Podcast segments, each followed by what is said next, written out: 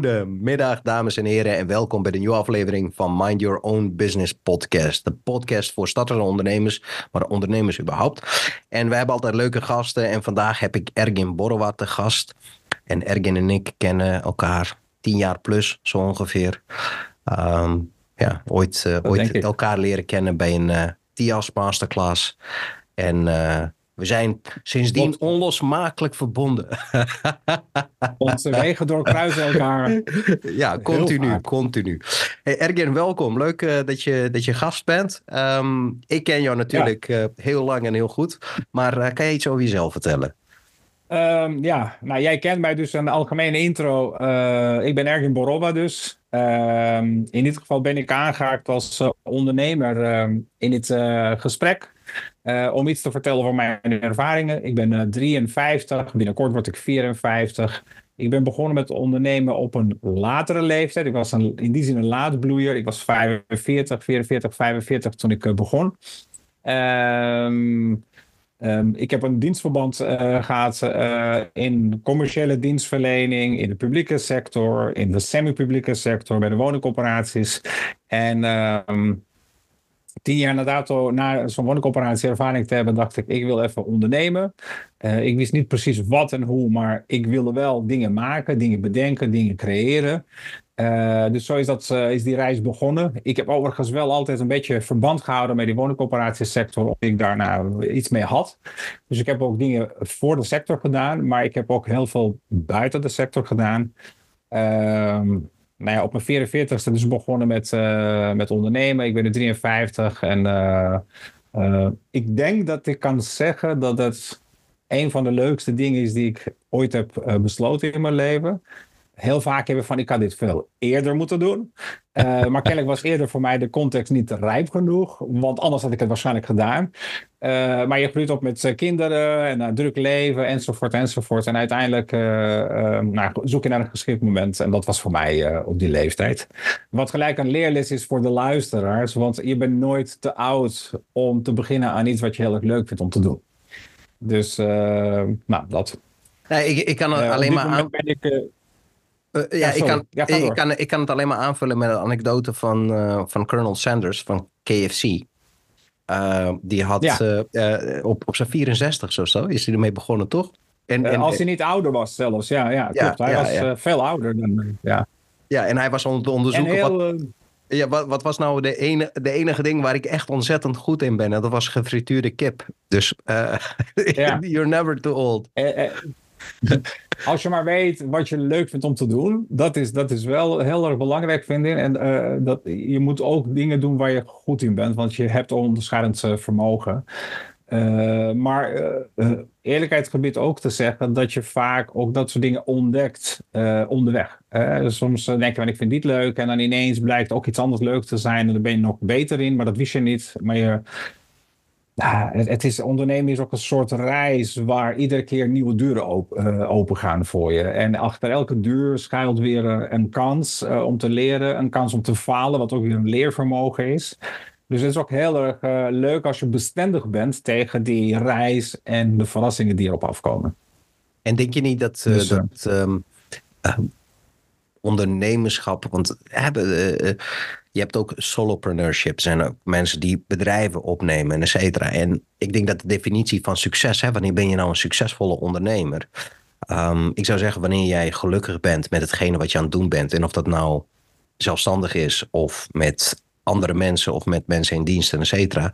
Vorm is niet zo, niet zo belangrijk als jouw werkgeluk, als het ware. In hetgene wat je aan het doen bent. Hoe, kijk jij daar tegenaan? Klopt.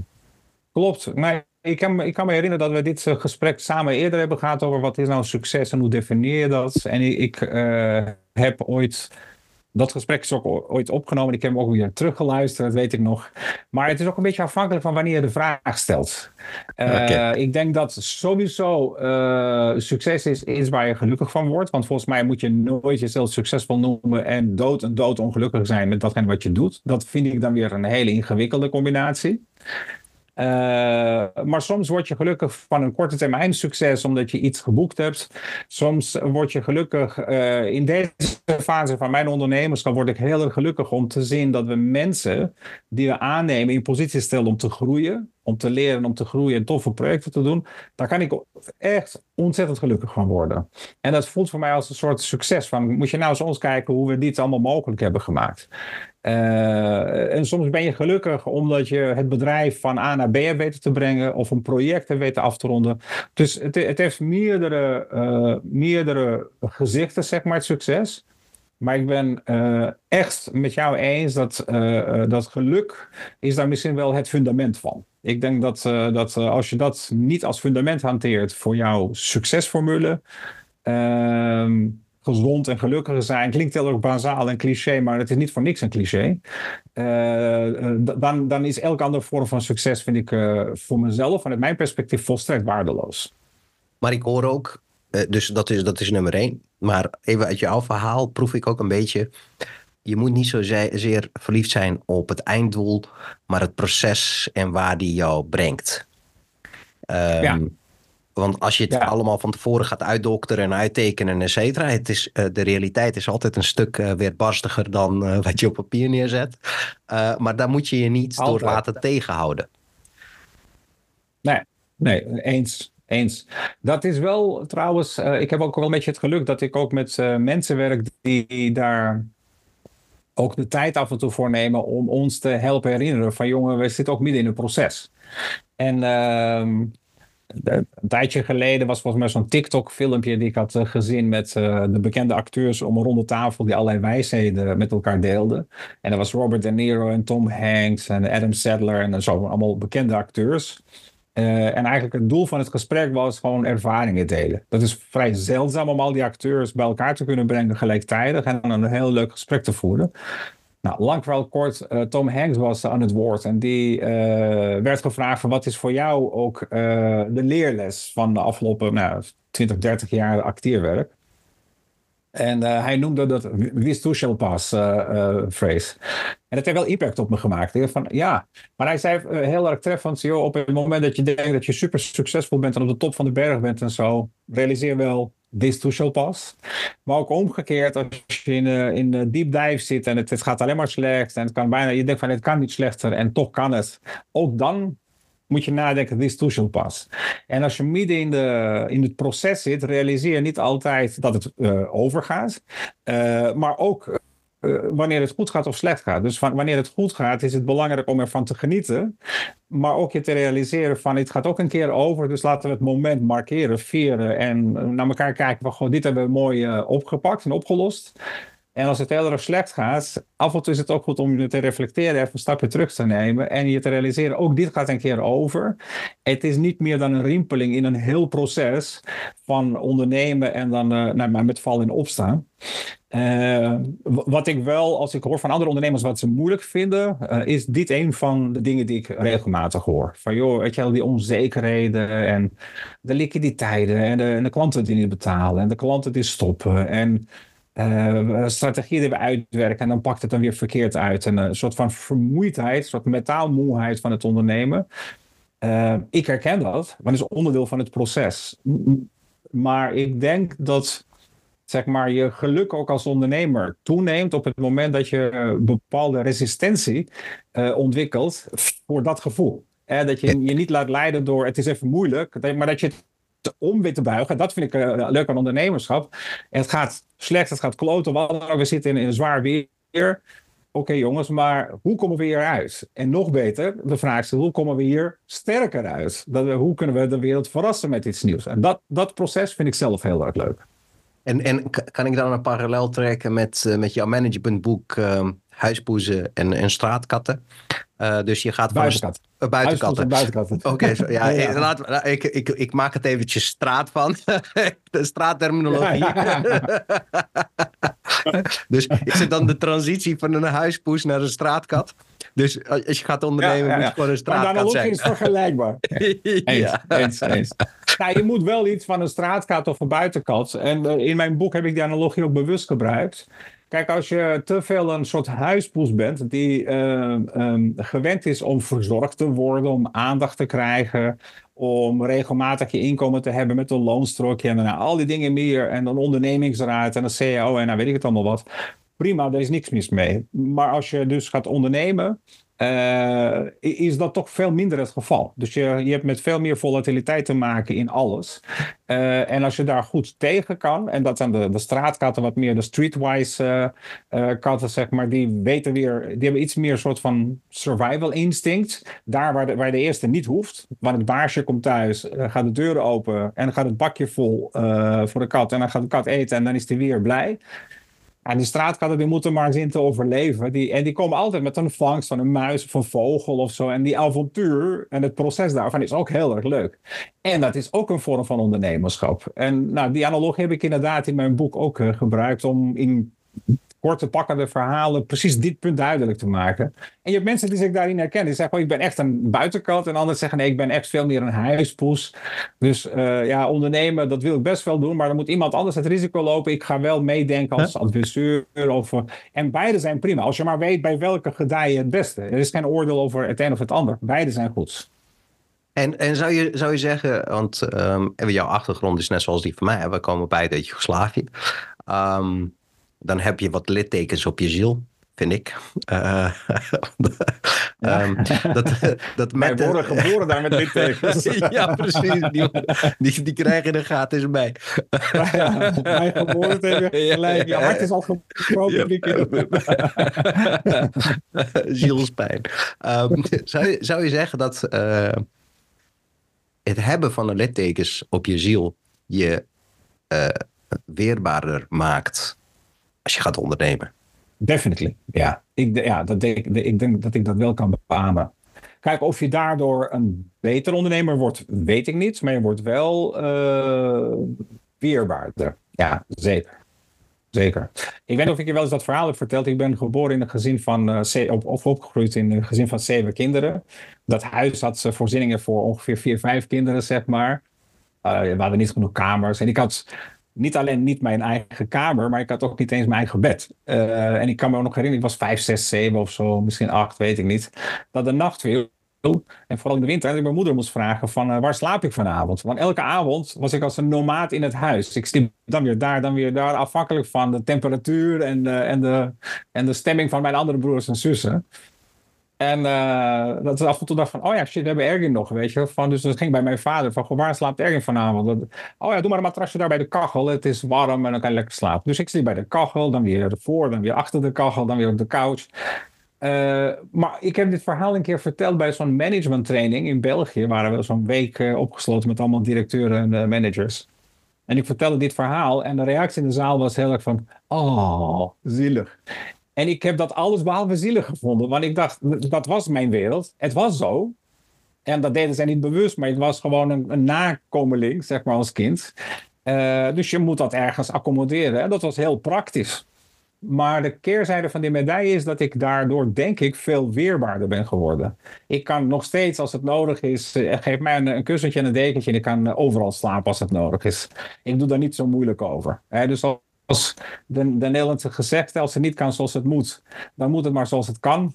Nou, ik heb dat ongeveer uitgevonden. dus, ik, dus dat klopt. Jouw, jouw stelling van uh, dat je ook bepaalde, nou ja, uh, onze afkomst en de, en de context van het huis en de omgeving en zo. En dat je niet uh, toegang had tot alles, weet je wel. We, we hadden niet eigen kamers, computers waren er sowieso niet. Maar je wordt wel een stuk wendbaar daardoor. En misschien ook wel creatiever en flexibeler en en, en die eigenschappen komen best wel goed uh, tot hun recht, ook met ondernemen. En heb jij het gevoel dat de, dat, dat de huidige maatschappij, um, of, de, de huidige workforce, vooral de jongeren, de, de, de Gen Z en Gen Y, um, dat die uh, juist zo zijn opgegroeid, of juist dat ze een hele goede huiskat zijn? Hm, dat is een goede vraag. Ik heb drie kinderen van die Gen Z, uh, tussen zeg maar 20 en 25. Als ik even een assessment doe naar hoe zij opgevoed zijn en opgegroeid zijn, los van de opvoeding die ze van ons van huis uit hebben meegekregen, het is toch wel iets meer verzorgde generatie, vind ik. Dus echt veel meer huispoezen types. met alle faciliteiten die het leven biedt. en niet alleen wij als ouders, maar onze hele generatie was best wel aanwezig in, in het leven van de kinderen. van langs de lijn met sport halen, brengen tot en met ondersteuning op het school. Als het nodig is, een bijles ergens. Dat heb ik allemaal niet gehad. Wel mijn vader mij wilde dat ik thuis hoog in de vaandel.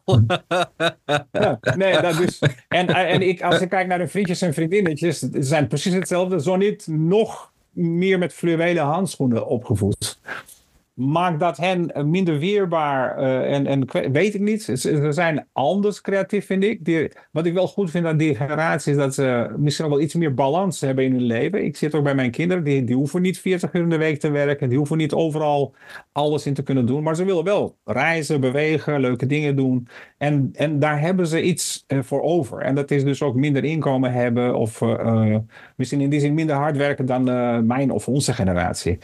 Uh, en als ik wel eens naar kijk, kijk ik ook met uh, zekere vorm van jaloezie. In de zin van shit, weet je. Ik had, ik had best wel vanaf kleins af van heel hard altijd gewerkt. Heel verantwoordelijk, heel erg. Uh, en ehm, bij hen is dat minder. Hoe dat uitpakt, gaan we ontdekken in de komende jaren. maar puur vanuit streetwise en, en, en, en zeg maar een soort van survival instinct hebben, komt het op mij over alsof dat in mindere mate is vertegenwoordigd bij die generatie. Ja. Ja, ja dat, dat gevoel heb ik ook. Ik denk ook dat ze. Ehm, het, het is altijd, hè, kies je doel en betaal de prijs. Uh, hebben in, in dat balans. Ehm, ik denk dat dat in jeugdige jaren zeker. Hè, dat, dat moet ook, ook en dat mag ook. Maar ik vraag me af hoe dat zich uit gaat pakken. Of, of ze nog bewust bezig zijn met, ja, nu is het zo. Weet je, het verhaal van de mier en de, en, de, en de krekel. Weet je, een ijverige mier die en uh, Krekel, die was bezig met zijn levensbalans en muziek maken. En, zei ja. en toen kwam de winter aan. ja. Uh, en dan? Ja. Uh, wat ga je dan doen? Ja. Dus, dus daar, daar, daar, dat, dat moeten we nog zien. Denk ik. Maar dat moet ik ja, dit is ook zo'n gezegde. Ik weet niet precies hoe die gaat, maar er gaat iets van in, in in goede tijden ontstaan uh, slechte of matige leiders. En in slechte en moeilijke tijden uh, staan goede leiders op. Het is een cascade. Dus het, het, is, um, barre tijden creëren sterke mannen. Sterke mannen creëren Juist. goede tijden. Goede tijden creëren zwakke mannen. En zwakke mannen ja. creëren slechte, slechte, tijden. tijden. ja. ja. Maar het heeft ook iets van zichzelf regulerend, vind ik, als maatschappij. We, we, sturen daar niet op. Het is niet zo dat wij nu bewust, zeg maar, zwakke leiders creëren of een generatie wat... het is een cyclus. Uh, maar het is een cyclus en, en het, het, reguleert zichzelf. Dus ik denk dat we in een cyclus ook zo'n rimpeling, want we zitten ergens in het cyclus van een langere periode. Dus we gaan ontdekken met elkaar of niet, niet iedereen misschien, maar we gaan ontdekken hoe dat zich ontwikkelt.